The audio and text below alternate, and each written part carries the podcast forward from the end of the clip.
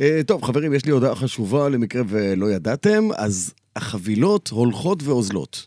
איזה חבילה? נו, באמת, חבילה ל Grand Prix בהולנד. אה, עם ורסטאפן. עם ורסטאפן, ולא רק. ורסטאפן, כל, כל הוורסטאפניות שם.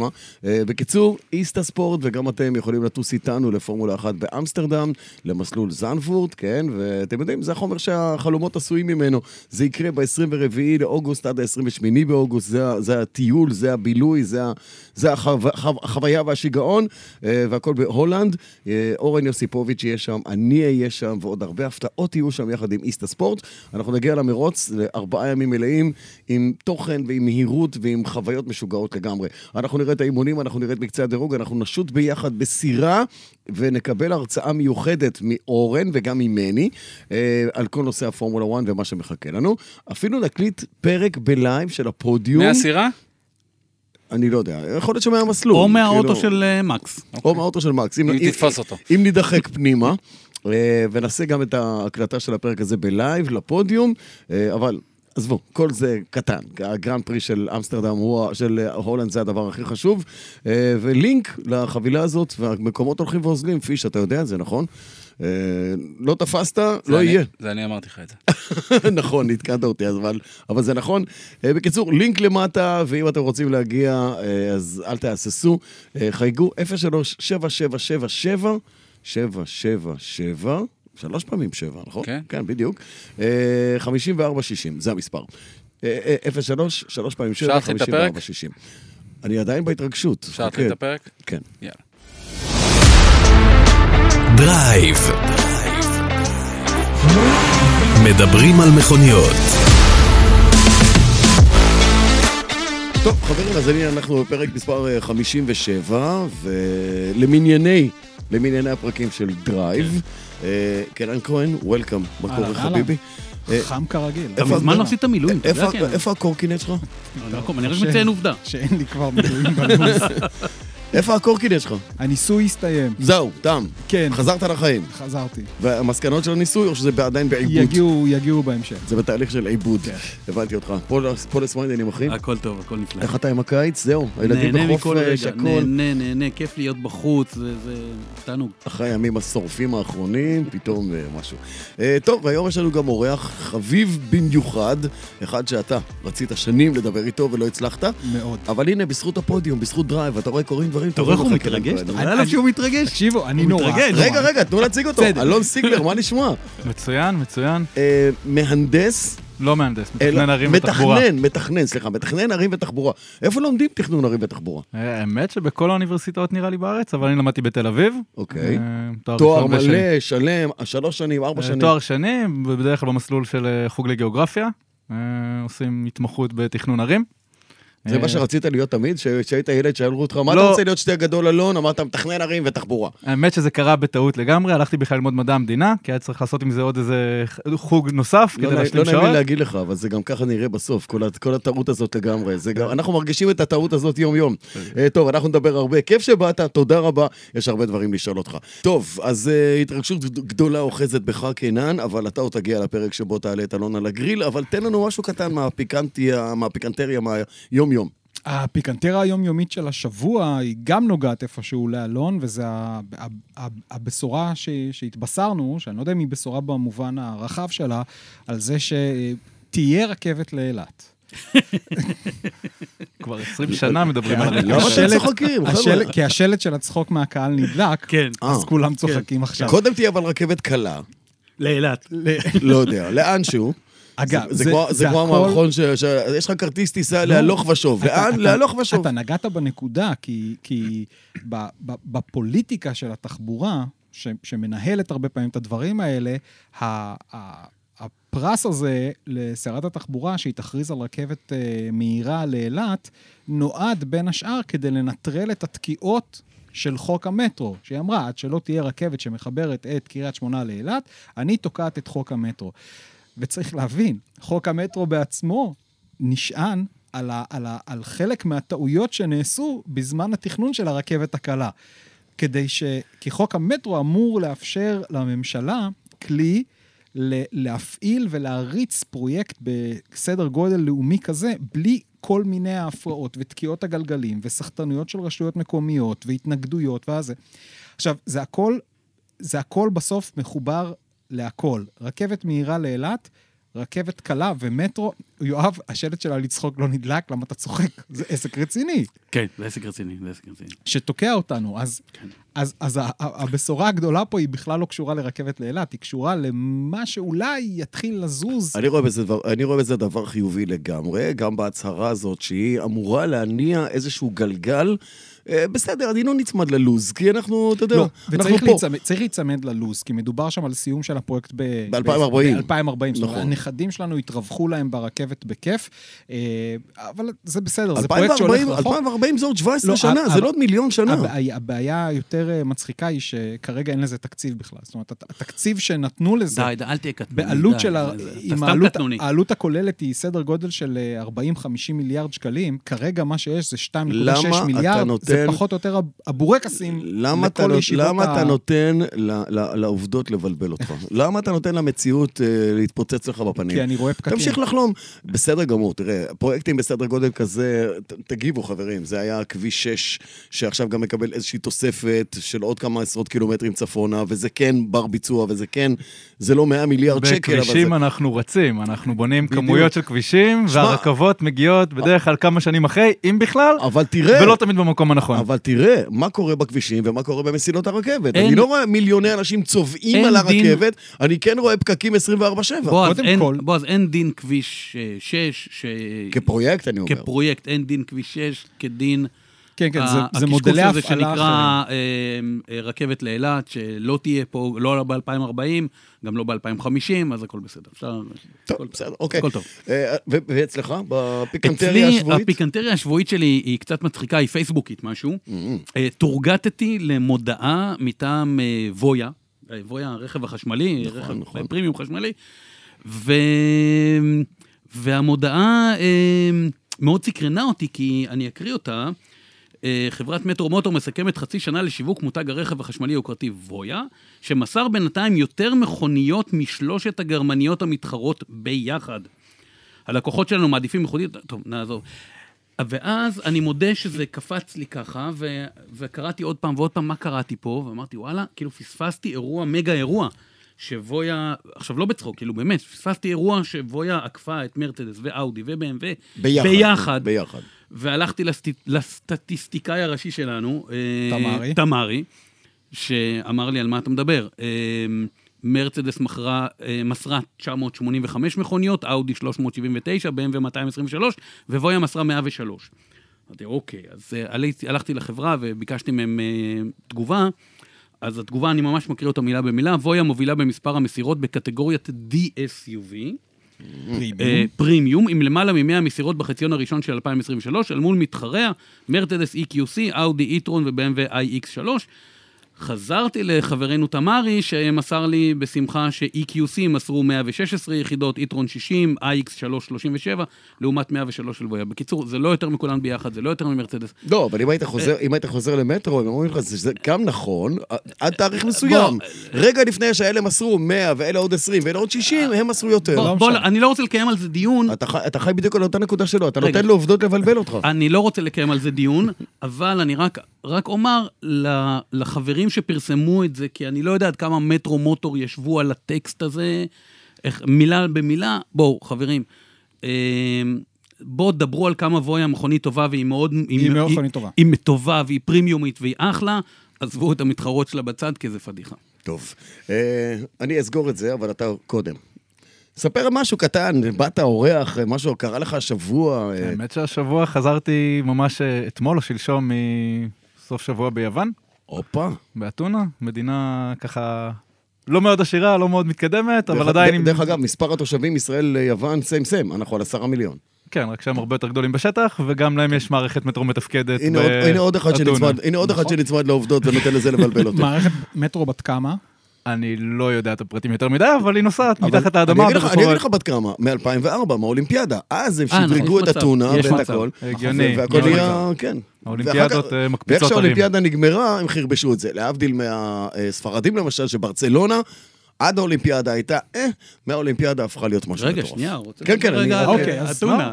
היה בגדול, סוף שבוע רגוע, משפחה, כאילו משפחה על החוף, לא יותר מדי. כייסו אתכם בתחבורה הציבורית שם? לא, האמת שישבנו מחוץ לאתונה קצת, על איזה וילה על איזה הר שמשקיפה לים, נחמד, 200 מעלות בחוץ, בריכה בבית, אז זה היה די רגוע. בפעם הראשונה אה. שעליתי על תחבורה ציבורית באתונה, אה, נפרדתי מהארנק שלי, מכרטיסי אשראי ומעוד כמה מצלצלים. שעוד לא יצא לי להיתקל בכייסים, לא באף מערכות התחבורה שהסתובבתי בהם, אבל אולי זה המזל שלי רק. כן. מצלמות, מצלמות, מצלמות, מצלמות. טוב, אז אנחנו עושים הפסקה קטנטונת בתוכנית המאוד מאוד מעניינת הזו, כדי לספר לכם על השותפים שלנו מכל מוביל, יבואנית הרכב הגדולה בישראל, וגם אה, אלה שמייבאים את יונדאי, את מיצובישי, אאורה, החשמלית, מרצדס, וגם את ג'נסיס כמובן בפרימיום. אה, בכל מוביל מתאימים את עצמם בכל לקוח ולקוח, כי לכל אחד יש את הסיפור האישי שלו, כמו לך פולס, נכון? לך סיפור? כן, סיפור אישי קורע לב. עצוב קצת, כן, משהו אה, נוגע. נוגע. אה, לכל אחד יש את הסיפור האישי שלו וגם את הצרכים הספציפיים שלו, או שלה, אה, כל אחד עם מה שהוא אוהב. ואם אתם רוצים לחסוך בכסף וליהנות מרכב יד ראשונה בסטנדרט גבוה ביותר, כל מוביל trade in יציעו לכם מגוון רכבים איכותיים עם אחריות מבית היבואן גם למותגי הבית. תוכלו ליהנות מגב חזק של חברה ותיקה ואמינה, ששירות איכותי הוא נקודת המוצא שלה. יש גם חבילת טיפולים, אבזור ועוד הטבות ייחודיות שרק הם יודעים לתת. בקיצור, הבנתם, גמישות זה שם המשחק, גמישות בכל מוביל. חייגו, כוכבית 3005, סעו לשלום, מפתחות בפנים. אין מפתחות, זה נו. קצת של הגשש, נו, זה כאילו הלכת... תעשו את הקוד ותלחצו על הלחצן, זה החדש, כאילו, סעו לשלום, מפתחות בפנים. כן. אה, ויאללה. אבל אתה חייב את המפתח בכיס. אתה חייב לפחות את המפתח שלך בכיס, זה בדיוק, אתה צודק. אה, בוא נחזור לפרק.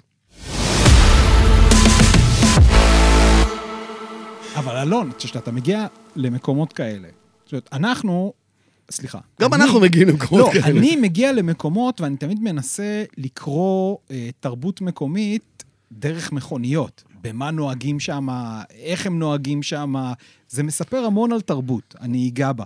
אתה רואה את זה הרבה פעמים דרך פריזמה של תחבורה ציבורית? אתה כאילו, מה שאתה רואה זה... זה... האמת שזה מיקס, סתם לצורך העניין, אתה מסתובב בפורטוגל או בהרבה ערים באירופה, אתה תראה מכוניות הרבה יותר קטנות, ואתה מסתובב בישראל, מסתובב באמריקה, אתה רואה מכוניות שהן הרבה יותר גדולות, והכי הפתיע אותי שנסעתי בהודו באיזה מנאלי, באיזה עיירה קטנה, בכפר קטן, ופתאום לאט לאט הרחובות שם צרים, והמכוניות התחילו לגדול, וכל פעם שעובר איזה ג'יפ, פתאום אנשים עומדים כזה על הצד, נצמדים. לקירות. לקירות כדי שהמכונית תוכל לעבור, והרחובות לא יודעים להיות מותאמים למכוניות הענקיות האלה, והן הולכות וגדלות, ואנחנו רואים את זה בארצות הברית מאוד בצורה בולטת, אבל גם בישראל המכוניות... אה, אה, אנחנו אנחנו נדבר איתך עוד אה, בהמשך על תכנון ערים ודברים כאלה. בטח כשאתה מדבר על ערים עתיקות כמו אתונה, שהיא עיר סופר עתיקה, אה, פורטוגל ועוד כל מיני ערים באירופה שהן סופר עתיקות, איטליה בכלל, רחובות וסמטאות כל כך צרות, אה, איך מכוניות נכנסות לשם, פיאט 500, בשביל זה היא נולדה בעצם, ל- להיכנס למקומות האלה. אה, עד לדברים מודרניים של היום, במכוניות גדולות. אבל רגע לפני שנעבור לדבר על הדברים הרציניים, נתקלתי בשאלה השבוע שלא הייתה לי עליה תשובה, ואולי לכם, חברים יקרים, יש תשובה כדי לעזור, לא לי, אלא לזה ששאל אותי, מהי השעה הנכונה לקבוע תור למוסך? הש... מתי להגיע למוסך, או כן, מתי כן. להתקשר לקבוע את התור? לא, לא מתי להתקשר לקבוע אה, תור. מתי להגיע. אתה כבר מתקשר ואתה אומר, מציעים לך להגיע למשל בשבע עד שבע וחצי, להיות בין הראשונים, בוא תחנוך לנו את הליפט היום, אתה לא יכול, יש לך איזה עניין. אין כזה דבר, תגיע ראשון. שנייה, תגיע מהראשון. שני- שנייה, רגע, שנייה, שנייה. כן. ו- ו- ומנגד, הוא אומר, שמע, לא יכול, לא יכול, מה, מה לעשות? לא יכול לא להגיע. יכול.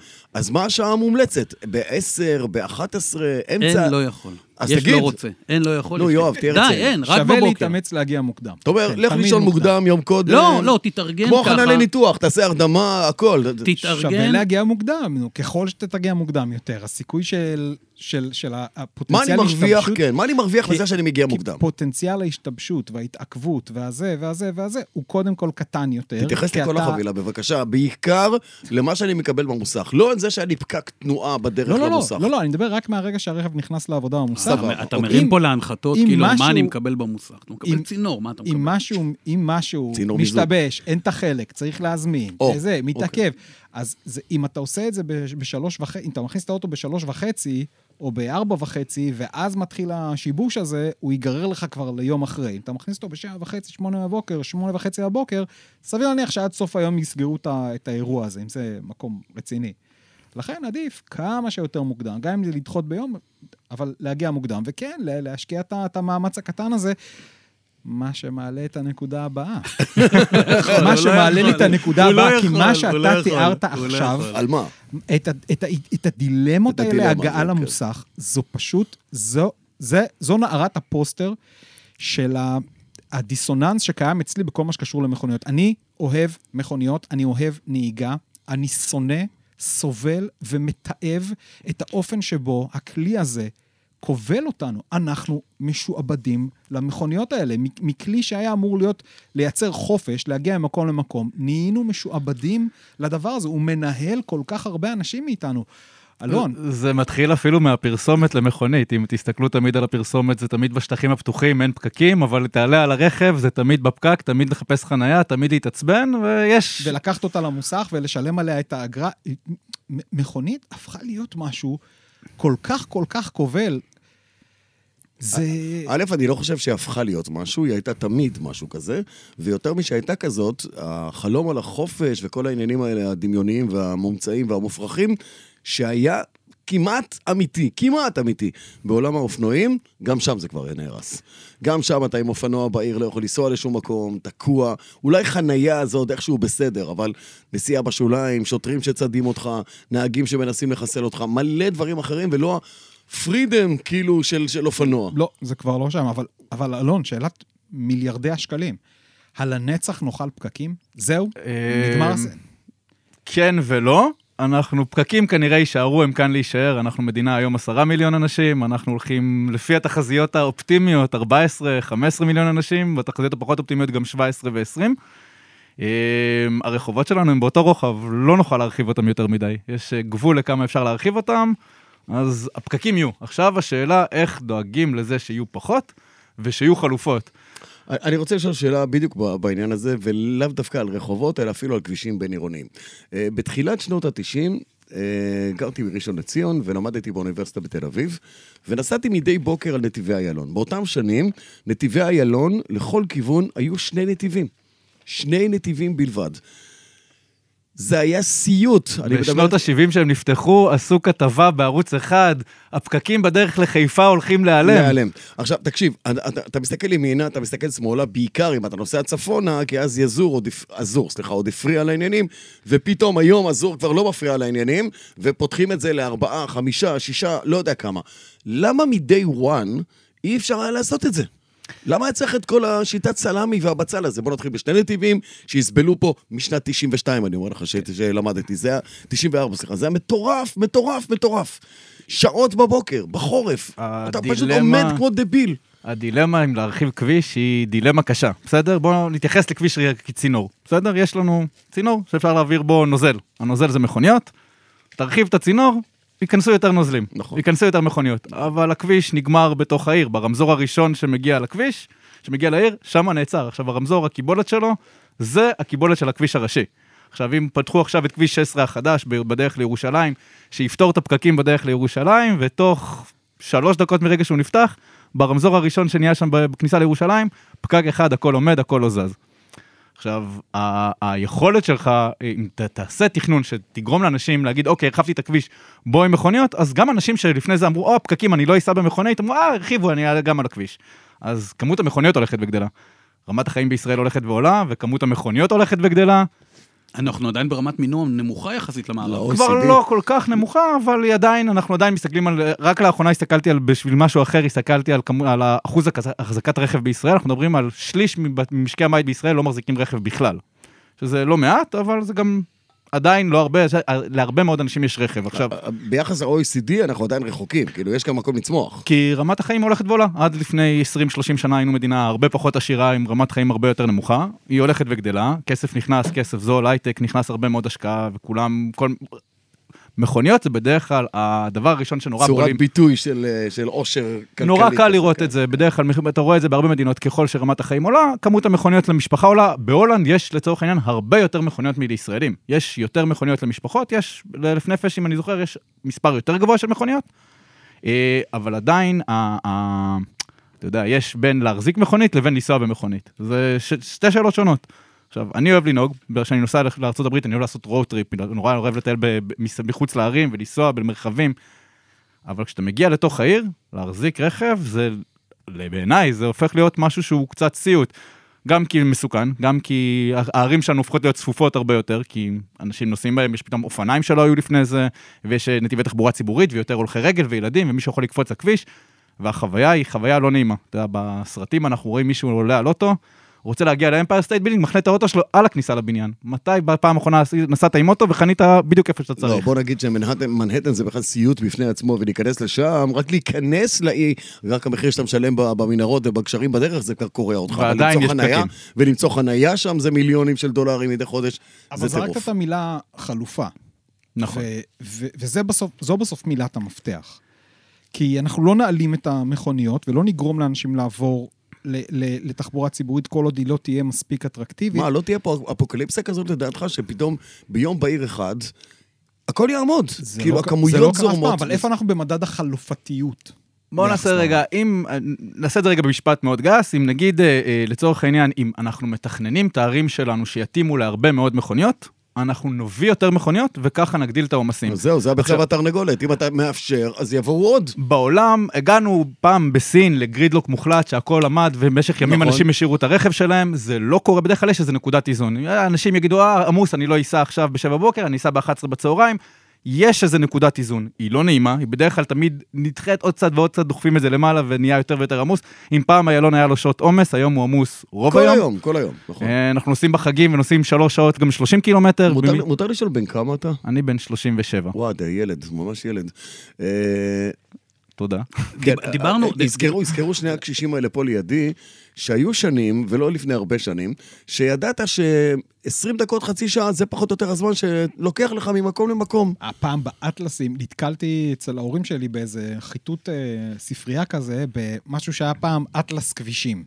עכשיו, תמיד באטלס כבישים, בסוף האטלס, הייתה טבלה. טבלה, טבלה, טבלה נכון, כזאת. נכון. טבלה כזאת שהיו לה ערים, אה, ערים, ערים, ויכולת להסתכל, נגיד, ירושלים, חיפה, היית, היית הולך על העמודות, כמה זמן ייקח לי להגיע. הסתכלתי על הטבלה הזאת, והמספרים שם היו לי... באופנוע אני לא עושה את זה היום. היום זה- אתה יוצא מהבניין, היום אוקיי? רואים את זה בווייז, הווייז היום משתף המעלית- נתונים, ואתה המעלית יכול נפתח- לראות. המעלית יש להם את נפתחת, הדשבורד. המעלית נפתחת, ובום, אתה בתוך פקק. אתה בפקק. אנחנו. רואים שישראל הולכת, והמהירות הנסיעה הולכת ויורדת, נכון. באופן עקבי, כבר נכון. שנים היא במגמת ירידה, אם זה פעם היה 20 קמ"ש, אנחנו רואים ממוצע 18, 17, ויורדים כל הזמן. נורא קל, כי אני מסתכל על זה, על מהירות של תחבורה ציבורית, אז אני יכול לראות הרבה פעמים כמה היא לא זזה, ואז אתה יכול להבין כמה הכביש לא זז. אה, אתה יודע, אבל, אבל סתם נשווה את זה לצורך העניין ערים גדולות, אפילו בתל אביב, אם נסתכל על מרכז תל אביב, על האזור שבו גרים הרבה מאוד אנשים וחיים הרבה מאוד אנשים, יחסית במרכז תל אביב, חוץ מבימי שישי, אין הרבה עומסים. ברחובות הצרים של תל אביב, בדיזינגוף, באבן גבירול, לא יודע מה, העומסים יותר נמוכים, והעומסים הגדולים של תל אביב נמצאים על איילון, נמצאים על בגין. ככל שהכבישים יותר רחבים, בדרך כלל שם הם יותר עמוסים, אפשר לראות את זה בחיפה, זה מאוד קל לראות את זה, כי יש הרבה מאוד כבישים רחבים, אבל בירושלים זה כל השבוע. כי ירושלים גם, זה עיר ש... כל השבוע, זה עונש אחד גדול. וגם אם תסתכל איך ירושלים בנויה, זה שכונות קטנות, מוקפות בהייווייז ענקים, וכל כביש מהיר כזה, כל השכונות מתנקזות אליו, כי בדרך כלל כשתכננו כבישים, אז התחבורה הציבורית נשארה מאחור, שבילי אופניים בירושלים אין כמעט על מה לדבר, אז אם אין לך לא שבילי אופניים ולא נתיבי תחבורה ציבורית, אז במה תיסע? ברכב. אז אם כולם נוסעים מהשכונה שלהם לרכב, ועולים על הכביש המהיר שכולם רוצים להגיע אליו, כי בסוף הם מגיעים לאותם היעדים שכולם רוצים לנסוע אליהם לעבודה או ל- לא יודע לאן, אז הפקקים יגיעו. זה לא... אבל זה מדהים, כי אין גם עקומת למידה. כי אנחנו עדיין רואים... אצל מי? אצלנו כמשתמשי דרך? כי, כי הוא כמתכנן ערים, בטח הרבה פעמים יושב מול תוכניות, מול, מול תוכניות אה, בינוי של ערים, ותופס את הראש ואומר, חבר'ה, השכונה הזאת היא, היא אסון תחבורתי בהתהוות. אתה הזכרת את מודיעין. מודיעין כבר... אה, כבר- מודיעין נב- היא כבר אבל- זקנה. אבל היא נבנתה עוד, ש, אבל היא נבנתה לפי כבר את תפיסות. לא, אני, אה, בישראל, זה, אנחנו למדנו מאוד מאוד מאמריקה, בסדר? אנחנו בתפיסות התכנון שלנו עד, עד לאחרונה, בסדר? של אנחנו פרברים, של הרי שינה. רואים הרבה שינוי לאחרונה, אבל אם עד שנות ה-80 תל אביב התרוקנה, ואנשים עברו לגור בכל מיני מושבים, במודיעין שפתחו בשנות ה-90, אני זוכר שגרתי ביהוד, פתאום כל יהוד התרוקנה, ובבת אחת כולם עברו לשוהם ומודיעין, ומי שהיה לו כסף עבר ו- ועבר לחלום האמריקאי הזה של בית קרוב לתל אביב, אבל מחוץ לתל אביב, עם שקט ומרחבים פתוחים, שהמרחבים הפתוחים האלה בדרך כלל הם כבישים וחניונים. זה ה... זה אבסורד. עכשיו, זה- בש- עכשיו בשוהם זה יותר מרלוגים, אבל... אין- אבל גם- כן, אבל גם, אבל כל שוהם בסוף, אם תסתכל, בסוף מתנקזת כל העיר הזאת, יש לה שני צמתים ליציאה. זאת אומרת שכל העשרת אלפים או עשרים אלף איש שגרים בשוהם, נוסעים בבוקר במכונית כי אין שם כלום לחפש בשוהם, הם רוצים לעבוד, זה מחוץ לשוהם, הם רוצים לבלות, זה מחוץ לשוהם.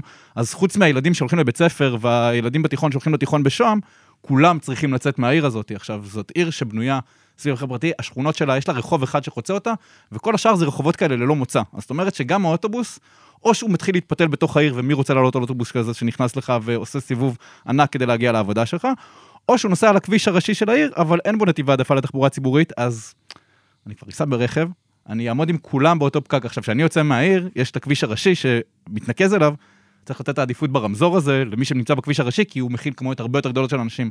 אז אוטומטית, האנשים שגרים בתוך היישוב הזה, או בתוך מה שנקרא שכונת בלון או עיר בלון, עומדים ומחכים שיגיע תורם לצאת, לפעמים זה מחזור אחד של רמזור, שניים, עשרה לרמ- אה, וזה לא זז, וזה... שמע, זה, זה נורא ואיום, ולאחרונה ראיתי משהו כזה, וזה תפס אותי אה, בראש העין החדשה. פתאום קמה שם עיר כן. מטורפת, מטורפת. מה שרואים ממי שמסתכל, מי שעובר חמש. בכביש 5 נכון. לכיוון מזרח, הוא יראה את זה ל- לימינו. נבנו עשרות אלפי יחידות דיור עם אלפי. שתי חניות לדירה, בדרך כלל. זה הממוצע. זאת אומרת, אם יש לך עשרת אלפים דירות, יש לך עשרים אלף מכוניות. עכשיו, בגלל שהמרחב כולה בנוי מכוניות, ובראש העין, שוב, יש את המרכז שלה יחסית קטן, אבל רוב הדברים נמצאים, רובם עובדים בפתח תקווה. מחוץ לעיר, בדיוק. עובדים בפתח תקווה, חלק מאוד גדול מהאנשים, אז זאת אומרת שה-20 אלף מכוניות האלה צריכות לצאת בבוקר, בדרך כלל יוצאים באותן שעות, ב- בין 7 ל-9 יש מה שנקרא אה, שיא בוקר, זה הראש האואר הזה. בין 6 ל-9. אתה לא סובל מזה, תגיד, ב- בהוד השרון? לא, בהוד השרון? לא, בהוד השרון לא סובל משום דבר בהוד השרון, פשוט כי אני גר ברמת השרון. ברמת השרון, סליחה. אבל, אה, אבל אה, האמת שאנחנו, בשיחה המקדימה בינינו, דיברת על זה שכל השכונות שבונים, הן פשוט נבנות לא כשכונות, אה, כאילו, התפיסה היא אותה תפיסה, אתה לא יודע, אתה, אתה קם בבוקר, אין לך מושג אם אתה בגליל ים, או ביבנה, או אני לא יודע איפה. יש איזה פנטזיה של חלום ישראלי, יש שתי פנטזיות. אחד זה בית צמוד קרקע בכפר, עם דשא, עכשיו אנחנו במדינה קטנה, הרבה תושבים, דיברנו על כמו יוון, רק פחות שטח מיוון, אם נבנה כולנו בית צמוד קרקע, לא יישאר לכולנו מקום. אז יש את הפנטזיה הזאת, ויש עוד פנטזיה שגם מתכננים אוהבים אה, אה, לתכנן ככה בניינים, הם רוצים ארבעה כיווני אוויר, כמה שיותר כיווני אוויר, פנטהאוז. ובונים את אותו בית באותו, יש, אתה יודע, אותו דבר, זה קוביות שהן... תסתובב בקריית גת במדבר, תסתובב בנתניה בשרון ותסתובב בחיפה, אתה תראה את אותו בית שבנוי בכל מקום, והחלום הישראלי הזה הפך להיות הדבר הכי גנרי ולא נעים, עם שתי חניות צמודות בדרך כלל לדירה, כי זה התקני חניה שהמדינה מחייבת לבנות. בסדר? זה לא שיזם אומר, "מ, אני רוצה רגע, לבנות תקן פה חנייה כזה שהוא הוא תקף נגיד גם בגליל ים וגם בבני ברק? כשאני אה, בא לעשות תוכנית, יש תקן חניה ארצי שנקבע ב-2016. אה, מה זה תקן חניה? אומר על כל יחידת דיור שאתה בונה, כמה חניות תבנה לה. בסדר? המחשבה כאילו צריך להנדס את כל הדבר הזה מראש. עכשיו, כשאני מתכנן תוכנית, אני בונה, מתכנן אותה היום, כנראה היא תיבנה עוד 10-15 שנה. אין לי מושג מה יהיה עד אז, אבל התוכנית כבר מחייבת אותי לבנות איזה מספר חניות שלך תדע אם הוא רלוונטי לעתיד, אם תהיה מטרו, לא יהיה מטרו. הוא לא, רש... לא משנה כל כך, אז כן, הוא עושה קצת דיפרנציאציה בין אזורים עם מטרו, תחבורה ציבורית טובה או לא. עדיין, אם אתה מסתובב בבני ברק, שיש שם אחוז בעלות על רכב יחסית נמוך לישראל, אנחנו מדברים על 40 אחוז מהמשקי בית בבני ברק מחזיקים רכב, ולעומת זאת, אה, פרבר שינה, אה, כפר ורדים סטייל כזה, או ב... לא יודע, מושב בשרון, כפר יונה לצורך העניין, יקבלו לך שתי חנויות לדירה, לא משנה אם יש רכב, אין רכב, כמה זה עולה לבנות את הדבר הזה עכשיו. כשזה בית במרכז הארץ, אז הבית יקר, אז אפשר לחפור את זה מתחת הקרקע. מה קורה בעיר שהערכי קרקע לא נמוכים? לחפור חניה תת-קרקעית, תשאוב מי תהום, כל הדבר הזה הופך את העסק למאוד מאוד יקר. אז החניה לא יורדת מתחת לקרקע, היא נשארת למעלה. עכשיו, כשאתה עושה בניין של 30 דירות, 60 דירות, תחשוב כמה מגרש, חניות, מגרש. כמה שטח אתה לא, צריך אבל- לבזבז רק אבל- על חניה. אבל, אבל יש גם פתרונות, כל מיני מכפילים אה, לגובה. כן, אבל זה, רגע, ו- אבל זה שאתה אומר על חניות, אתה אומר גם, זה אומר בהכרח שלא יהיה שטח ירוק. חניה- תהיה חניה. אם אתה בונה חניה אתה יכול לצבוע את החניה בירוק. אתה יכול, אה, קודם כל, יש שתי אופציות, אם חניה עילית, אז כמובן שאין בה מקום לעצים, כי היא צריכה להיות שטח, וכל חניה תופסת במ... רכב אולי זה עשרה מטר רבוע, אבל נכון. ח- חניה זה בין 30 ל-40 מטר רבוע מקום חניה, כי צריך את השטח שירות, המקום לתמרן, להסתובב וכאלה, אז תחשוב כמה חוסר יעילות. צריך לפתוח דלת, אז תפתח שתי דלתות, אחת לכל צד, והנה, זה אז כבר לא בני- עשרה מטר רבוע, זה כבר יהיה מוכפל ל-20 מטר אנחנו מדברים על רבוע. ארבע, התקן הוא משהו כמו 40 מטר מקום, חנ... וואו. מקום חניה. וואו. זה עכשיו, מה מה השטח ד- חדר הכי גדול אצלך בדירה? יש לי חדר כזה. יש לך חדר כזה של 40 הסלון מטר. גדול. 40 הסלון. מקום חניה תופס הסלון. כמו שטח של דירה קטנה במרכז תל אביב, זה זה מטור- זה כאילו. שתי חניות, תופס לך. דירה של ארבעה חדרים. כמה זה- חניה- כמה חניה תופסת את ה-690 שעשית למבחן לאחרונה? המון, זה חתיכת מטראז'. אז רגע, אז עכשיו, אז- אז... מה הפתרון? יש... לא, הוא לקח אוויר.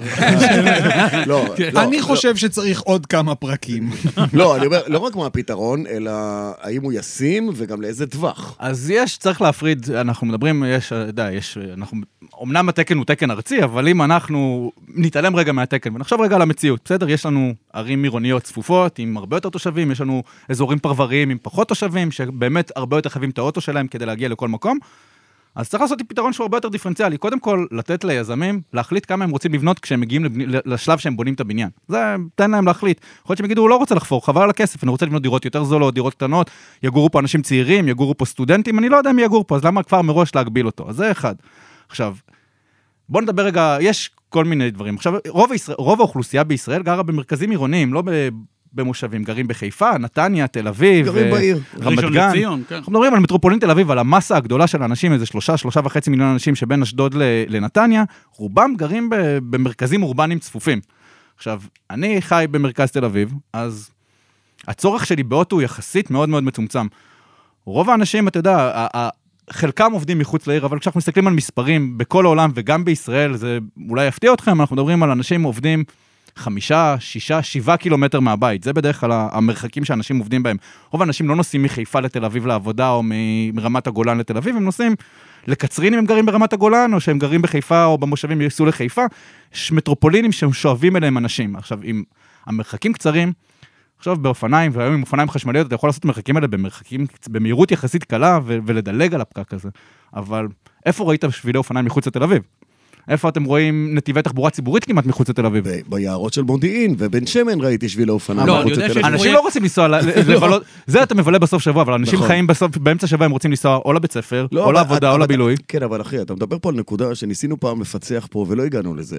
אה, מתי ימציאו, איזה סטארט-אפ יגיע עולמי להפריד את הישראלי מהמכונית שלו, so ever, גם אם יהיו לו פתרונות. אני לא, אני לא רואה את זה, אני לא רואה את זה. הסטארט-אפ קיים, הסטארט-אפ קיים, אני אגיד לך גם למה. כי אני... ככל שיענו אותו, כן נרבה וכן נפרוץ, וזה, וזה נכתב עוד הרבה, לא, זה לא הרבה נכון. לפני. בוא, אני- אני לא, גר- זה אני לא גר-. אני גר ליד לא, רחוב... ולכן, ולכן, סליחה, ולכן ש- שאל, שאלתי אותו, וגם אותך, יגיע היום הזה, יגיע היום שהמעלית תיפתח ואתה תעמוד שעה במקום. ואתה עדיין, אמרו את זה על סיגריות, אמרו את זה על מיליון ואחד דברים, שזה יעלה, והמיסים יקראו אותנו, היום- ואנחנו בועז, נפסיק, תקשיב, כשאנחנו- ואנחנו לא מפסיקים, בועז, אנחנו מוצאים פתרונות. בועז, כשאנחנו נוסעים לחוץ לארץ, ללונדון, לא. לפריז, רגע, רגע, רגע, שנייה, לניו יורק, להולנד, אתה, אתה בבוקר רואה את התחבורה הציבורית המאוד מאוד יעילה, ואתה רואה את כל המועסקים באזור. מגיעים בתחבורה... אבל אתה לא רואה ישראלים, רגע, אתה שנייה, רואה שנייה. הולנדים, אתה רואה רגע, כאלה. רגע, רגע, בועז, על- שנייה, אני שנייה. מדבר על ניתוח בועז, שיפריד את הישראלי מהאוטו, לא את ההולנדי מהאוטו. בועז, שנייה. אתה, אתה, אם, אם היום הייתה לי תחבורה ציבורית יעילה, שבה אני יוצא מהבית, הולך, נוסע במטרו, מחליף רכבת, מגיע ללוד, למה? אני בחיים לא הייתי מניע את האוטו. אני אגיד את זה יותר פשוט, אתה עצלן, רובנו אנשים עצלנים, בסדר? רובנו אנשים שרוצים שיהיה להם נוח בחיים, נכון. ורוצים להתאמץ כמה שפחות ב- בעבודות היומיומיות, אנחנו אתה- רוצים להתאמץ בהשקעה שלנו, בעבודה אתה שלנו. פתחת- אתה פתחת ואמרת, ככל שיש יותר כסף, יש יותר- מכוניות, איכות החיים עולה, למה אבל- שאני אוותר? אבל אנחנו עצלנים, רובנו רוצים לקחת את הפתרון הכי נוח שלנו. אם עכשיו, לצורך העניין, התחנת אוטובוס הכי קרובה אליך הביתה היא 300, 400 או 500 מטר מהבית, והחנייה, אתה יורד מהמעלית ויש לך חנייה מתחת לבית, ויש לך חנייה במשרד.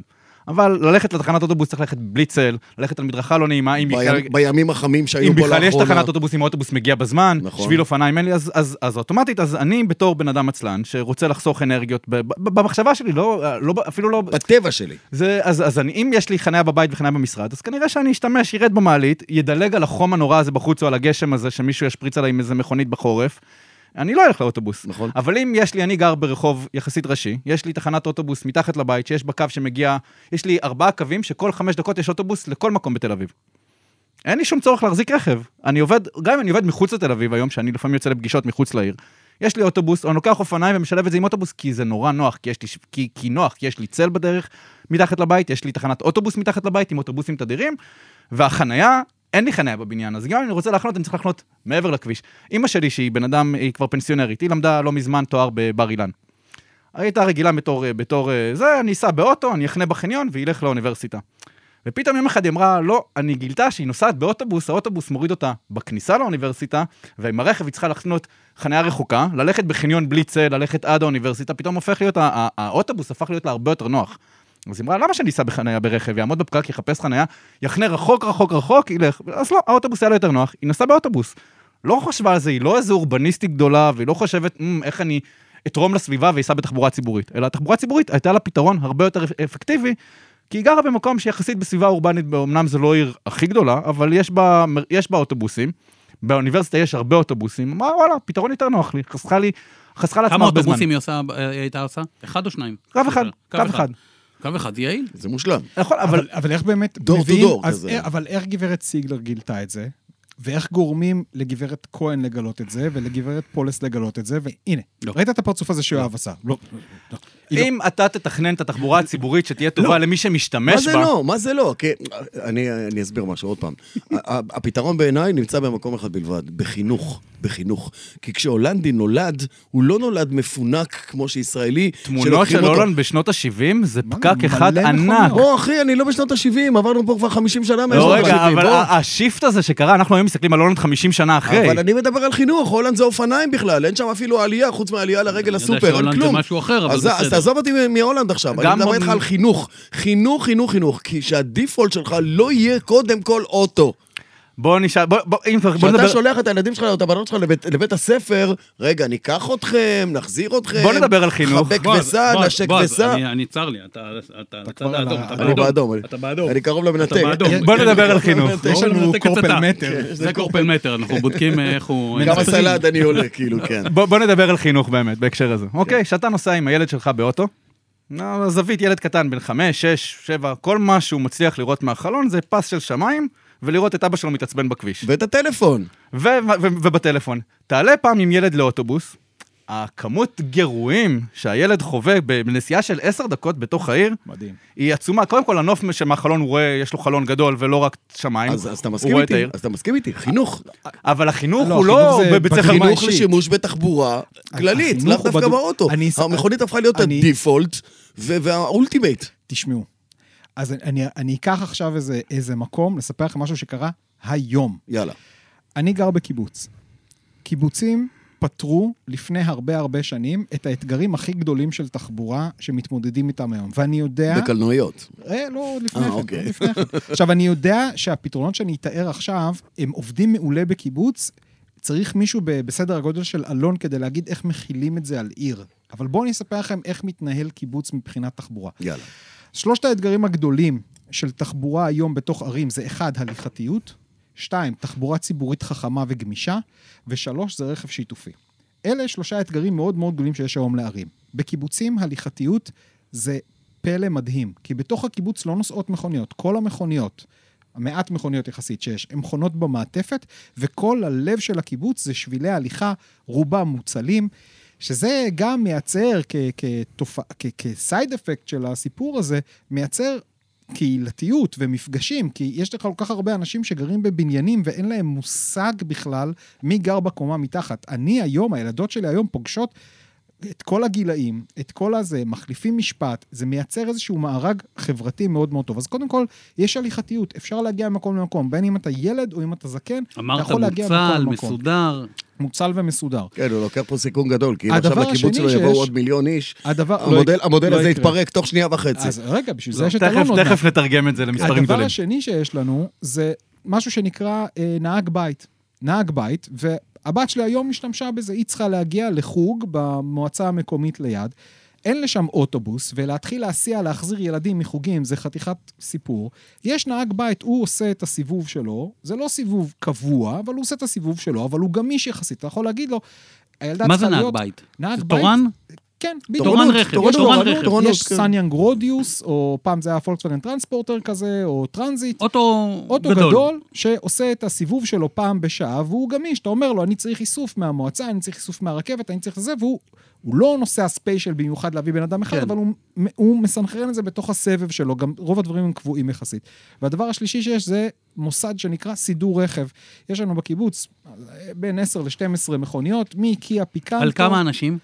אה, סדר גודל של 120 משפחות, אבל שנייה, אנחנו תכף נגיע נתרגם את זה ל scale. ל scale. ל scale אנחנו נתרגם את זה.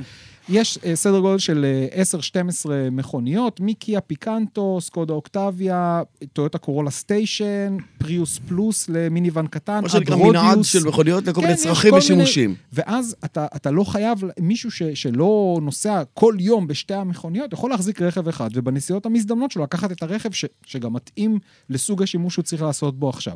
ואתה משתבץ בסידור רכב הזה, אתם אנשים ונוסע חכמים ומשלם. מאוד שם בקיבוץ שלך. א- א- עושים, זה, תבין, זה ככה בערך זה, אני משנות לא אומר את זה ה-70. בציניות, אוקיי? זה ככה בערך משנות ה-70.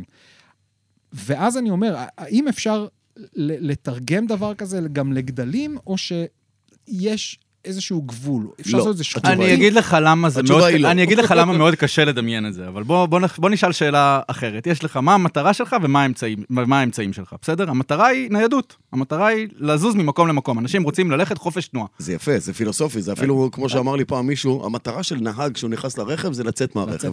קודם כל, כאילו לקצר את המרחק ואת אז- הזמן הכי הרבה שרק אפשר. אז עניין של בוא, בוא רגע נשאל את עצמנו רגע את השאלות, אחר כך נרד לפרטים איך עושים את זה. יאללה. אבל בוא נלך לשאלות הגדולות רגע. הבן אדם רוצה ללכת, להגיע ממקום למקום. עכשיו, הרכב הוא אמצעי. אני בתור בן אדם שלא מחזיק רכב, אני חי בתל אביב ונוח לי להחזיק בלי רכב, כי יש לי חלופות, יש לי טוסטוס, יש לי אוטובוסים מתחת לבית, יש לי אופניים מתחת לבית, ויש לי, זוג רגליים. ויש לי רכב שיתופי שאני לוקח ב- בסופי שבוע כשאני נוסע לבקר את ההורים או נוסע לטייל. אז אני לוקח רכב פעם בכמה זמן. יפה. אם היה לי רכב עכשיו, עם, עם, הטופ, עם הטרנד הזה של רכב שיתופי, כשהוא לא שלך, אתה תשאל את עצמך, אוקיי, אני עכשיו לא חייב רכב, כי אני הולך למרחק קצר, אני לא אסע, אבל אם יש לי רכב צמוד ואני גר ביישוב שכולו מבוסס רכב פרטי, כל ה...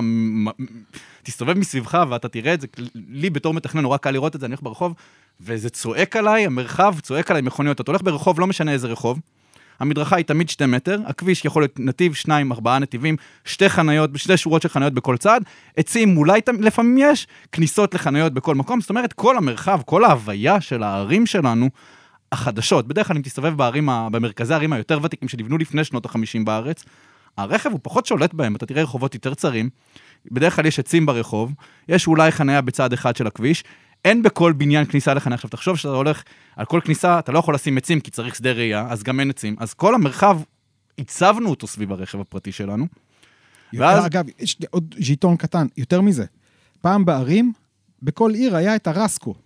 את המרכז המסחרי הזה בזה. היום אין. הכל, הכל שתו את זה, אתה יודע כל באיזה שכונה אני הצימים. גר? והביגים. אני גר בשכונה שנקראת נווה. רסקו. הוא גר אבל. היה את המרכז השכונתי הזה של ה... יש. ש... לא, היום, תסתכל בערים, זה הכל יצא היום, זה ייבשו את הערים, עשו- לא, היום זה נקרא- פיצוצייה. פשוט. למרכזי לא, לא, לא, עשו, במשך הרבה מאוד שנים, עשו מה שנקרא הפרדת שימושים. אנשים אומרים, הם יעבדו במקום אחד, יקנו במקום אחר ויגורו במקום... ויבלו זה במקום... נורא. ויגורו במקום אחר. עכשיו, כשאתה עושה את זה ב... ב, ב עם זה, עם זה ה- נורא? בטח. אם? עכשיו יש לי ברחוב אחד... הרגת עיר. אם יש לי ברחוב אחד, יש לי בית מגורים, יש לי בניין תעסוקה ויש לי חנות. באותו רחוב. זאת אומרת שאני גר ב, ב, ב, ברחוב האידיאלי שלנו, בסדר? אני גר בבית הזה, הולך לעבוד במשרד, הולך לעבוד לחנות בדרך הביתה, בסדר? זה, זה היום-יום שלי. עכשיו, כשאני לא... ש...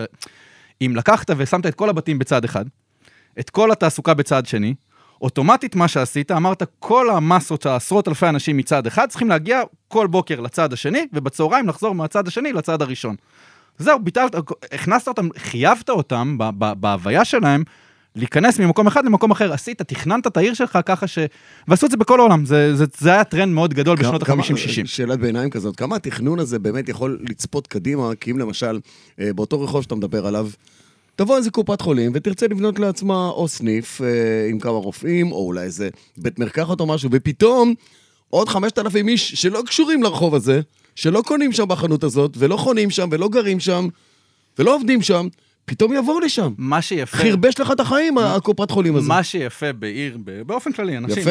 מה שיפה בעיר, אנחנו רובנו, רובנו חיים בעיר, בסדר? עברנו את השלב שכבר לא גרים בכפרים, אין יותר כמעט עבודה בחקלאות, רובנו גרים בסביבה עירונית או סמי-עירונית. הוא גר בכפר שמריהו, אה. זה גם כפר. אל תגבור את. חתיכת לא, לא. תפתח איתי. לא, לא. אבל אני... בכל העולם, אתה יודע, ה- הסקטור החקלאי הולך ומתכווץ, בסדר? הוא הולך ומצטמצם כי יש טכנולוגיות, כי אפשר לייצר במסות, כבר לא צריך נכון. חקלאי על שדה קטן. יש היום...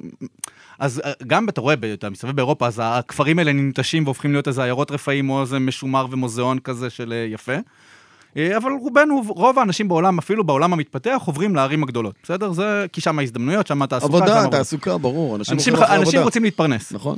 עכשיו, אם הגענו למסקנה שכולם רוצים לגור בערים, בסדר? רוצים, אין לנו ברירה בישראל. אם נרצה שכולם יגורו בבית צמוד קרקע, במושב, אין לנו מדינה. לא יקרה, לא יקרה, אז- נקודה, לא יקרה. אלא אם תבנה פה עוד מדינה מעל המדינה שיש לך, ואז פה. אז אם, אם אנחנו מבינים, יש, מבינים את המגבלות של השטח, בסדר? הבנו את המגבלות. עכשיו, אם אתה רוצה, אה, אנשים הם דינמיים, אני לא יכול להחליט בשביל בן אדם איפה הוא יבלה, איפה הוא יעבוד, אני לא יכול. אני בתור מתכנן, בוא נגיד שאני מתכנן דיקטטור, ויכול לעשות בעצמי מה שאני רוצה, ולשים, להחליט לאנשים איפה הם גרים. עשינו את זה, עשינו את זה במשך עשרות שנים, בנינו להם שכונות מגורים, אמר להם אתם תגורו פה, אתם תעבדו באזורי תעסוקה, אה, מצפה אפק, אה, לא יודע, ב, ב, איך זה נקרא שם, ביוקנעם. סידרנו להם את המקומות, הנדסנו לאנשים את החיים, אבל אנשים לא חיים ככה. בטח היום, שכבר הרבה יותר דינמי, אנשים עובדים מהבית, מחליפים מקום עבודה, רוצים לגור, ההורים שלהם גרים כבר לא גרים, הם לא גרים ליד ההורים שלהם, כי ליד ההורים אין בתים. זאת אומרת, הסביבה הרבה יותר דינמית, ואנשים חיים הרבה יותר חופ... אה, צריכים הרבה יותר חופש להחליט בעצמם. אתה לא יכול שהמדינה תחליט להם. אז את זה אנחנו כבר מבינים היום, שאנחנו צריכים לאפשר גמישות, שאנחנו מתכננים את העיר, שתהיה יותר גמישה ותתאים להרבה סוגים של אוכלוסיות. דיברנו על גליל ים לצורך העניין, ואנחנו רואים הרבה שכונות שנבנו בארץ, הם נבנו, מה שנקרא, לזוגות צעירים. זוג צעיר עם שני ילדים, שלושה ילדים, יהיה להם בית ספר ליד הבית, יהיה להם טיפת חלב ליד הבית, יהיה להם גני ילדים, ויש להם איזה פארק כזה שהילדים יכולים לשחק בו. אבל הילד שלך עובר את גיל 18, אתה כבר לא זוג צעיר, נשארת מבוגר, אבל כל מה שיש לך בשכונה זה בית ספר יסודי, יש לך טיפת חלב, מה תעשה עם זה? אתה כבר, יש לך ילדים בני 16, הילד שלך בן 17, מה יעשה כשהוא גר בשכונה אני הזאת? אעשה עם זה מקיאטו, בשביל זה צריך באמת טיפת חלב. איזה חלום זה פתאום שאתה ילד שגר בשכונה כזאת, אתה חייב רכב אבל- כדי להתקיים. לא, אבל זה- תראה, עוד פעם, אז העיר גם, מעצם היותה עיר, ומהנדס העיר, וממונה התחבורה בעיר וכולי, יביא לשם קווים של אוטובוסים, יעביר שם תנועה, כדי שאני אוכל לנסוע לצד השני של העיר זה לא ולבלות. כזה פשוט. כי אני אדם מבוגר, ועכשיו הצרכים העניינים, במקום אחד. או שאני אעבור דירה. אתה עובד באזור תעסוקה אחד, השכן שלך עובד באזור תעסוקה אחר, והשכנה שלך עובדת בעוד אזור תעסוקה שלישי, ובכלל אשתך עובדת בתוך השכונה בבית ספר יסודי, בסדר? ואגב, עוד לא, ועוד לא דיברנו על זה שכשאתה רואה את האוטובוס עובר ברחוב, זה פרומיל ממה שהדבר הזה עושה. איפה האוטובוס הזה נמצא בסוף יום? בעמדת טעינה. איפה עמדת איפה הטעינה עמדות הזאת? הטעינה האלה נמצאות? איפה עמדות הטעינה של עכשיו, עשרות אוטובוסים? אבל זה, אתה כבר אתה- הולך לשלב המורכב יותר. בוא וואו, נדבר, אני מדבר זה- איתך על על ה- על ה basic. זה מחוץ לעיר בוודאות. לא, זה לא מחוץ לעיר, כי אם אתה תשים את זה מחוץ לעיר, אתה תבזבז הרבה זמן נסיעה ריקה של אוטובוס. מי שמשלם על הנסיעה הריקה הזאת זה אתה בתור תושב. אתה תבזבז חשמל. אה, בסדר, מבזבז חשמל. זה לא מבזבז חשמל. מה- היה... אה, רגע, אבל אני אני חוזר... מגדלי. עזריאלי, היית בתל אביב. מה היה לפני שמגדלי עזריאלי קמו? מה היה שם? אגב, למה מגדלי עשריאלי קמו שם? לא, מה היה שם? רגע, היה שם כל אזור תעסוקה, היה שם נחל פעם באזור לא, הזה. לא נחל, לא נחל, לא נחל. לא מוסכים. היה שם חניון של מחלקת התברואה של עיריית תל אביב. כל משאיות הזבל של עיריית תל אביב עמדו בדיוק במקום זה שנמצאים מגדלי עזריאלי. פעם זה היה השוליים של העיר, בסדר? זה היה המרכז של העיר, זה דמיינו לא היה לב העיר, נכון. את, את אזור התעסוקה של תל אביב, התוכניות הישנות דמיינו אותם ליד הים. אם אתה תסתובב באזור בית הטקסטיל, חשבו שיבנו שם את התעסוקה של תל אביב. נכון, נכון. נכון. ות- רק שתדע שרוב השטח שתכננו לא נבנה מעולם. כי מה קרה? בשנות ה-90 פתחו את רכבת השלום, פתחו את תחנת רכבת שנוסעת באיילון. עזריאלי, שיש להם ראייה עסקית והם באו למטרת רווח, אמרו, "אמ, אנשים רוצים לבוא במכונית, אבל רכבת מביאה המון אנשים, על כל רכבת אפשר להסיע אלף אנשים. בוא נפתח פה מגדל תעסוקה מאוד מאוד גדול, על התחנת רכבת, יש לך יציאה מהתחנת רכבת, אמרו, "אמ, מדהים, מודל שכבר קיים בעולם. מודל שקיים בעולם, אבל בארץ הוא לא היה קיים. לא המציאו אותו. קודם כל, הרכבת פעם לא נסעה רכבת באיילון. היה נחל ולא היה שם כלום. נכון. הרכבת נסעה, יצאה מיהודה הלוי. מ- אה, תל אביב דרום שם, באזור... אה, הרכבת, לא היה חיבור בין רכבת חיפה לרכבת דרום. נכון. זה היה... ואז פתחו את הרכבת באיילון, פתאום אז עזריאל אמרו, "אמ, רעיון מדהים, בוא נבנה ליד תחנת רכבת, נבנה מגדל תעסוקה. אז מיום המגדל הראשון בשנות ה-90 בנו שני מגדלים, אפילו לא השלישי. נכון. ואז אחרי שעזריאלי פתחו, באו עוד מגדלי תעסוקה, פתחו עוד דברים, כי יש שם הזדמנות, כי אנשים יש להם יכולת להגיע, בסדר? אנשים רוצים להתפרנס, רוצים שיהיה להם נוח. אז הרכבת היא מאוד נוחה, כי אתה יכול להגיע מכל מקום לאותה תחנה. עכשיו, אז עזריאלי פתחו שם, ואז באו עוד עסקים. ועכשיו, ואז כבר באו עוד עסקים, אז פתאום תל אביב מפתחת עוד מערכות תחבורה שמגיעות לאותו מקום כדי להעצים את הדבר הזה. זאת אומרת שהמרכז הת- התעסוקה שתכננו בים לא רלוונטי, הולך להיות שכונת מגורים כי מי רוצה אתה אומר? את זה כאילו שזה שלילי. זה לא שלילי בכלל, אנשים, התחבורה היא, היא העורק, היא האוויר לנשימה של כל קיום אנושי בעיר. אנשים רוצים לזוז, אנשים לא סטטיים. אז אם תעשה תחבורה מפותחת ומגוונת, יש אנשים שחייבים רכב, אני לא יכול להתעלם מהדבר הזה, יש אנשים שתלויים ברכב לעבודה, הם עובדים בשעות בלילה, הם עובדים בשעות לא... גמישות, הם זזים ממקום למקום, לא כולם יכולים לנסוע בתחבורה ציבורית, אנחנו מבינים את זה. אבל אם אני חוזר לזה שהרכב הוא לא המטרה, הוא רק האמצעי, ויש לי עוד אמצעים, אז אני בתור בן אדם אעשה את השיקול שלי לחפש חניה זה סיוט, אז אם יש לי מרחק קצר, אני אקח אופניים, כי חבל לי להזיז את האוטו. אם זה מרחק יותר גדול, אני אקח אוטובוס. אם אין לי אוטובוס, אני אקח את האוטו, יש לי את המכלול הזה. ואז מי שחייב את הרכב, הכביש מתפנה לו יותר כי יש אנשים שקיבלו חלופות אחרות. רובנו חושבים בתור, המטר... הרבה מתכננים, ואתה מסתכל על הרבה שכונות, המטרה של השכונה היא לספק חניה. יש מועמד לראשות עיריית תל אביב, שהפנטזיות שלו זה להגזים, לה- לה- להוסיף מגרשי חניה בתל אביב. זה המטרה שלו.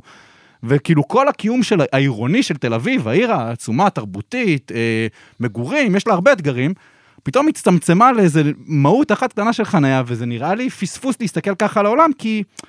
ונהגים הרבה פעמים חושבים על זה, אתה יודע, אנחנו רואים כתבה בעיתון, הפגנה, הכביש סגור, ההלוויה, הכביש סגור. אנחנו כל כך התרגלנו שה- שה- שהקיום שלנו סביב הרכב הפרטי, וזה הופך אותנו, זה, קודם כל, זה, זה, זה, אתה שאתה יוצא מהבית, אתה חושב, "מ, תהיה לי חניה ביד, לא תהיה לי חניה ביד. אני לפי זה מגדיר בכלל את ה- את הסדר יום שלי, את הנסיעה שלי. אז את עכשיו שעוד שנייה את יפתחו את הכל, הקו האדום, את הלו"ז שלי. אני אפילו לא צריך לחשוב אם יהיה לי פקק או לא פקק, כי יהיה לי רכבת, אני אסע איתה לתל אביב, וזה קו אחד. אנחנו בפיגור של 40 שנה, אבל עוד מעט יהיו עוד שני קווים, ועוד קו שלישי. עוד מעט תהיה רכבת לאילת. תגיד, אה, דרך אגב, ביקרתי פעם במשרדים של נטע, ואמרו שהפאזה הבאה אחרי הרכבת הקלה והמטרו, זה באוויר, זה למעלה. כלומר, לא מרחפות, אלא פס, מונורייל כזה, כמו שיש בלונדון. נורא.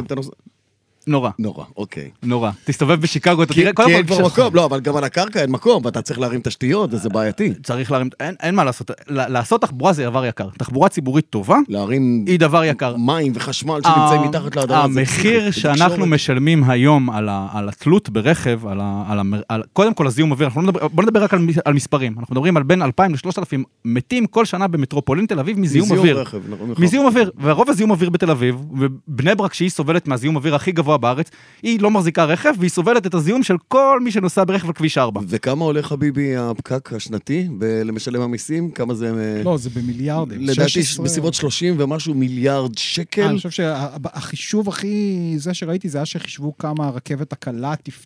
כאילו, מה תפתור. היא תפתור. כן. זה היה אזור לא, אני חושב ה- 16 שבא- אז. תחשוב שהמטרו עולה- זה משהו בסביבות 35 מיליארד שקלים, כן, כן. הפקק. זה מה אז המטרו. יעלה, נגיד לבנות אותו, מדברים 150, נגיד 300 מיליארד שקל, יעלה לפני כמה שנים. ה- הפוטנציאל הכלכלי... קל לו עם המיליארדים האלה, זה לא לא, שלו. כאילו. קודם כל, לא, המדינה, המדינה מתעסקת בזה, והיא חושבת, אמרה, אוקיי, אם לצורך העניין עזריאלי, אה, שהיא נבנתה, היא שילמה לעיריית תל אביב היטלי השבחה. ברור. אז זאת אומרת שאם אני אבנה תחבורה ציבורית טובה, ויקים עליה מגדלי תעסוקה, אבל. זה מה שהם רוצים לעשות, לכסות את נתיבי איילון, ב- לסגור את נתיבי איילון, סליחה, את נחל איילון, הם רוצים לסגור ולבנות שם שטחים כאלה. שמע, הייתי בטוקיו. אתה רואה את זה בכל העולם עושים את זה. זה מודל מטורף, הם פשוט מעל הרכבת. תחשבו על הרכבת ש- שעוברת ב- בנחל איילון, הולכים לסגור שם למעלה כן, את כן, הכל, כן. כמו מכסה. יהיה כמו מקורה. ויהיה גנים ופארקים, ואתה... אתה- והצפה פעם... מדהים, לא בעשרים- תהיה תחשוב, הצפה, לא תהיה תחשוב הצפה. כמה שטח אנחנו מבזבזים היום, אנחנו מדברים על, ב- ב- בערים, ב- בהרבה ערים בישראל, אנחנו מדברים על בין 40 ל-50 אחוז מהשטח הפתוח בעיר, מתבזבז על חניות התכסית- וכבישים. התכסית זה כבישים וחניות בבזבוז משווע. ועדיין יש תקן, אה, כמו שהבנתי בקריית הממשלה, למשל בתל אביב, שלא נתנו מקומות חנייה אפילו לעובדים בקריית הממשלה, כדי מאוד. שהם בעצמם יגיעו ברכבת. אנשים, אני, אני עבדתי בקריית הממשלה בתל אביב, עבדתי בוועדה המחוזית, במשרד האוצר, ישבתי בקריית הממשלה, ואני גרתי ב, בשלמה המלך במרכז תל אביב. והייתה לי שכנה שהייתה גרה איתי בבניין, אני הייתי נוסע באופניים, והיא הייתה נוסעת באוטו. אני חוזר מהעבודה, רואה אותה עוד מחפשת חניה מסביב למשרד, מסביב לבית, כי היא לא מצאה... ואנשים בקבוצות וואטסאפ של הבניין בקריית הממשלה, 45 דקות בפקק ביציאה מהחניון, ואני... ב-45 דקות כבר הייתי יכול להיות בבית פעמיים, בזמן שהם עומדים בחניון ונושמים את המכוניות שלפניהם בפקק. ועושה כושר. בועז אמר. בועז אמר קודם, מתי נצליח להפריד את הנהג הישראלי מהמכונית שלו. אני, למיטב ידיעתי, לא צריך להפריד את כל הנהגים מהמכוניות שלהם. כמה, כמה אחוזים מנפח התנועה אנחנו צריכים להוריד כדי שזה יזרום? אני שומע בין 7 ל-13 אחוזים. יש, יש הרבה מיתוסים, מה המודל? יש הרבה מיתוסים. הרבה פעמים שאני, אמנם אין לי ילדים, אבל כשאני בא לתכנן ואומרים לי, אה, אין לך ילדים, אתה לא מבין כלום. רוצה? אני, אני בסדר עם זה כרגע, עם המצב. יש לי חברים עם אבל- ספיירים. אבל אנשים אומרים לא, לי, אתה יכול לקחת לי אימון כמה. אנשים אומרים לי, מה, אני כל היום נוסע עם ילדים באוטו. עכשיו, כשאנחנו מסתכלים, זה בסדר, אבל כשאנחנו מסתכלים על המספרים בפועל, אנחנו רואים שהממוצע של מכונית הוא 1.1 נוסעים. זאת אומרת שיש נהג, ועל כל עשרה מכוניות יש עוד נוסע אחד באוטו. לדעתי אנחנו ב-0.9 בכלל, אבל... אז רובנו עומדים אה, לבד באוטו. מכונית, נכון, נוסע אחד. ו-. ורובנו גרים במקום אחד ועובדים באותו מקום ויכולנו... עכשיו, אז אני, עכשיו מסתכלים על תל אביב, בוא נסתכל על תל אביב שכבר עברה את הסף הזה והבינה שהיא צריכה לתכנן לעוד עוד אופציות, בסדר? אז אז אתה רואה את זה קורה? מפרידים את ה- את הישראלים מהמכונית שלו? עושים, צריך את כולם. לא את כולם, את מי שיותר מאחד. מדינת, מדינת ישראל עשתה, עושה מדי פעם סקרי הרגלי נסיעה, ושואלת אנשים מדגמים גדולים איך הם נוסעים לעבודה ואיך הם נוסעים לכל מיני מקומות שהם נוסעים להם. אנחנו רואים שאם היום האחוז נסיעה ברכב הוא מאוד גבוה, אנחנו מדברים על 60 אחוז נסיעה ברכב, 10 אחוז בתחבורה ציבורית, עוד איזה 2 אחוז באופניים, וקצת הולכים ברגל. אז זה מספרים לא נתפסים. עכשיו, 60 אחוז שנוסעים ברכב, זה המון. ואם נשאל את עצמנו כמה שטח מוקצה למכונות, אנחנו נגלה שיותר מ-60-70 אחוז מהש- מה- מה- מה- מהדרכים בכבישים מיועדים למכוניות. זאת אומרת, אין מקום לאוטובוסים, אין שבילי אופניים, אין שום דבר. ואז תל אביב הבינה את ה- הבינה את המשוואה הזאת, אמרה, בנתה בהתחלה שבילים לא מוצלחים, שביל, ציירה שביל על המדרכה באבן גבירול, ציירה שביל על המדרכה ברוטשילד. בסדר? לא איזה שבילים אה, פאר יצירה. אבל השבילים האלה עשו מהפכה שפתאום אנשים התחילו לנסוע באופניים. ויותר גרוע מזה, שהמתכננים עצמם התחילו לנסוע באופניים ולראות את השבילים הלא טובים ולהתחיל לשבילים יותר טובים. אנחנו מדברים על היום מספרים בתל אביב, אם זה היה פעם 2 אחוז, אנחנו מדברים על 20 אחוז נוסעים באופניים. זה מספרים ברמה של אירופה, זה לא מספרים ברמה... זה פנטזיה שהייתה נראתה לפני 20 שנה, אפילו ראש העיר של תל אביב לא האמין בשבילי האופניים. אז הכל בזכות מיטל להבי, את, אה, כל הסיפור הזה. נדמה לי, הסקרים האלה שאמרת, אם אני לא טועה, יושב פה בשולחן מישהו שאמר שהוא נוסע על חד אופן? יכול להיות שהיה כזה דבר באיזה סקר כלשהו? אוקיי, עזוב, בסדר. היה, רגע, לא. לפרק לפני כמה זמן מסוים. לפני כמה זמן, יש את הסקרים של הלשכה המרכזית לסטטיסטיקה, והבת שלי עלתה במדגם לשתף. הבת שלך, בת כמה הילדה הבת? הייתה בת כמה הילדה? 11. אה, 11, היא הייתה אוקיי. בת 11, בחרו אותה להשתתף במדגם. קלאסי, הגיל הקלאסי למדגם הזה. ופניתי אליהם ואמרתי, חברים, הילדה בת 11, הרגלי הגעה שלה לעבודה לא, לא מעניין אותנו, צריך למלא את הסקר הזה. אבל היא לא, מה אתם רוצים שהיא תכתוב? היא לא... אתה תמלא את זה בשבילה. אז התחלתי לכתוב, איך אתה מגיע לעבודה? אני אומר, זה מה מטוס הרגלי הנסיעה שלך? אמרתי, כאילו. לא, חד- יש לי חד קרן, יש לי חד אופן, אני... אני מניח שעושים אדפטציות לסקרים ועושים להם כן, כל כן. מיני תיאוב, אבל אבל לא- אני... לא שיבשתי את הסקר. לא, לא שיבשת את. אבל אבל אוקיי. אני רק חושב, באמת, אז כאילו, אנחנו מסתכלים על מספרים בתל אביב, בסדר? פתאום בתל אביב התחילו לשחרר הרבה מאוד שטחים ששימשו לחניות ברחוב, או לנתיבי נסיעה, והפכו אותם לנתיבי תחבורה ציבורית, אז אנשים נוסעים באוטובוס. אנחנו יכולים לראות שהיום אני נוסע מיפו לרמת החייל, יכול לקחת לי בא- באוטו ובאוטובוס אותו זמן, פחות או יותר, אז למה שאני אנהג? אני יכול לגלול בטלפון תוך כדי שאני נוסע. אני, אני מקשיב לך, ואני מבין אותך, ואני סובל, כמו כולנו פה בכלל, בכל מה שקורה במרכז. אה, אבל החיים שלנו הם לא רק במרכז. ואני מסתכל על מה שקרה למשל בחיפה, עם הניסיון של חברת אה, קרסו, לדעתי, בזמנו, עם מכוניות שיתופיות שהיו שם, שהתמוטט. ירושלים התמוטט. כל מקום שאתה אה. מביא איזה רעיון לעשות אתה לא מדבר על משהו- תחבורה שיתופית, אתה מדבר על... לא, אני מדבר איתך גם על שיתופית. לא, לא, זה לא שיתופי, מה שאתה מדבר עליו זה הנסיעה לפי הזמנה. גם נסיעה לפי הזמנה. הנסיעה הגמישה, מה שנקרא, וזה לא, לא, לא עובד. כל מיני מודלים זה פתרון שלא עובד, שניסו- אבל צריך לחשוב על כמה דברים. אחד, קודם כל יש אנשים, ת, תן לאנשים שיהיה להם נוח לא להחזיק רכב, בסדר? תל אביב פתאום יש בה הרבה car to go, וש, ושלמה נכון, סיקסט, נכון. וטלוף ואוטוטל, וטלוף. יש לי היום בתור מישהו שלא מחזיק רכב, נוח לי. יש לי, אם הייתה תחבורה ציבורית בשבת, היה יש לי לך עוד מלא יותר נוח. אופציות, סבבה. יש לי אופציות. עכשיו, אז רוב האנשים, עכשיו, יש מקומות שלא נצליח לטפל בהם כל כך מהר. בסדר, אני מדבר, כל המושבים האלה בשרון, כל לא, הם המושבים... לא מסביב- צריכים אבל גם את הטיפול הזה. חיפה, שהיא עיר... שיש לך את העיר הקלאסית, כאילו, העיר הוותיקה, הישנה, הטובה, מול כל השכונות והקריות שמסביב, שהם בעצמם ערים כל אחת מהן.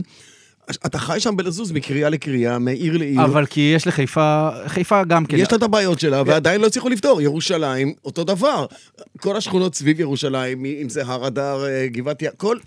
אתה צריך פתרונות. כי זה שכונות שנבנו, אני, אני חוזר לשכונות בלון, אנחנו תכננו, עכשיו אתה יודע, אי אפשר להתעלם מזה שתכננו לא, התפוצץ הבלון, אלון. תכננו לא טוב, ואז נהיה לזה מחיר מאוד כבד שכולנו חווים אותו, הפקקים האלה, אי אפשר, זה לא המצאה, יש בלי סוף פקקים עכשיו. אם נבנה, עכשיו, זה, זה, זה, זה פתרונות לטווח ארוך, אי אפשר להגיד, אין לי פתרון כסף, אל תיסע באוטו ותסתדר. הבנתי, הבנתי, הבנתי. אתה לא צריך להתפתל, אנחנו חותרים פה לסיום. אה, האשמה היא לא עליך, כאילו, כמובן. איזה קטע. מה זאת אומרת? ברור שהוא אשם. לא, לא. לא, הוא אשם? הוא אשם, הוא לא אשם, הוא לא עוד אשם. הוא- 15 שנה אנחנו נדע אם הוא אשם. חכה נראה מה הוא זרק להם בתוכניות לפני כמה שנים בדיוק. אנחנו צריכים לחתור פה לסיום.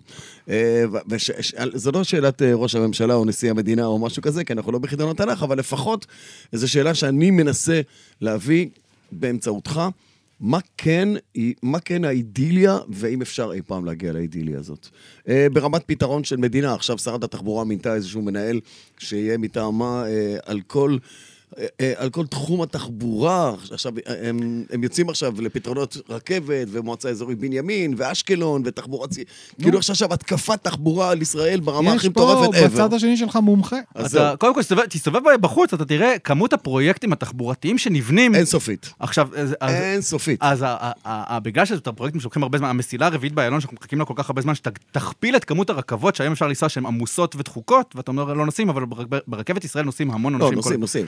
גם, מי שהתנגד לרכבת הקלה בתל אביב, אמרו אז- תראה את המודל של הרכבת בירושלים, נוסעים שם מאות, אם לא מיליונים בשנה. אז נסכם את זה לשני דברים מה עיקריים. האידיליה? מה האידיליה? מה יכול להיות פה? להשקיע, קודם כל, עד עכשיו השקענו הרבה בכבישים ומכוניות, אנחנו סוף סוף משקיעים את אותו סכום, אם לא יותר, בתחבורה ציבורית. לקח הרבה מאוד שנים, 70 שנה להפוך את הסוויץ' הזה מלהשקיע במחלפים וכבישים, בתשתיות ובמסילות.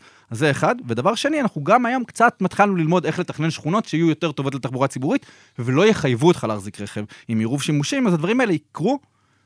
לא מספיק, צריך שהרבה אנשים, גם הרבה ראשי רשויות והרבה אה, מועצות מקומיות לא יודעות בהכרח מה לעשות, והת, והתושבים, אנחנו רואים, מתחילים לראות התאגדות של תושבים לדרוש עצים ברחובות, לדור, לדרוש אה, רחוב בטוח בדרך לבית ספר של הילדים שלי, ולדרוש תחבורה ציבורית יותר טובה.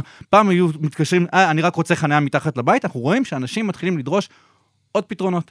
וזה זה יבוא גם מלמעלה למטה, אבל גם עם התושבים. בעיקר מלמטה למעלה. בסוף מה שהתושבים רוצים, הפוליטיקאים נמדדים על מה הציבור מבקש מהם. פעם שמעתי את ראש עיריית לונדון אומר, אנחנו לא יודעים, אנחנו יודעים מה, מה קל לנו לעשות, אבל אם אתם תדרשו מאיתנו פתרונות קשים, לא תהיה לנו ברירה אלא לה- להציף אתכם.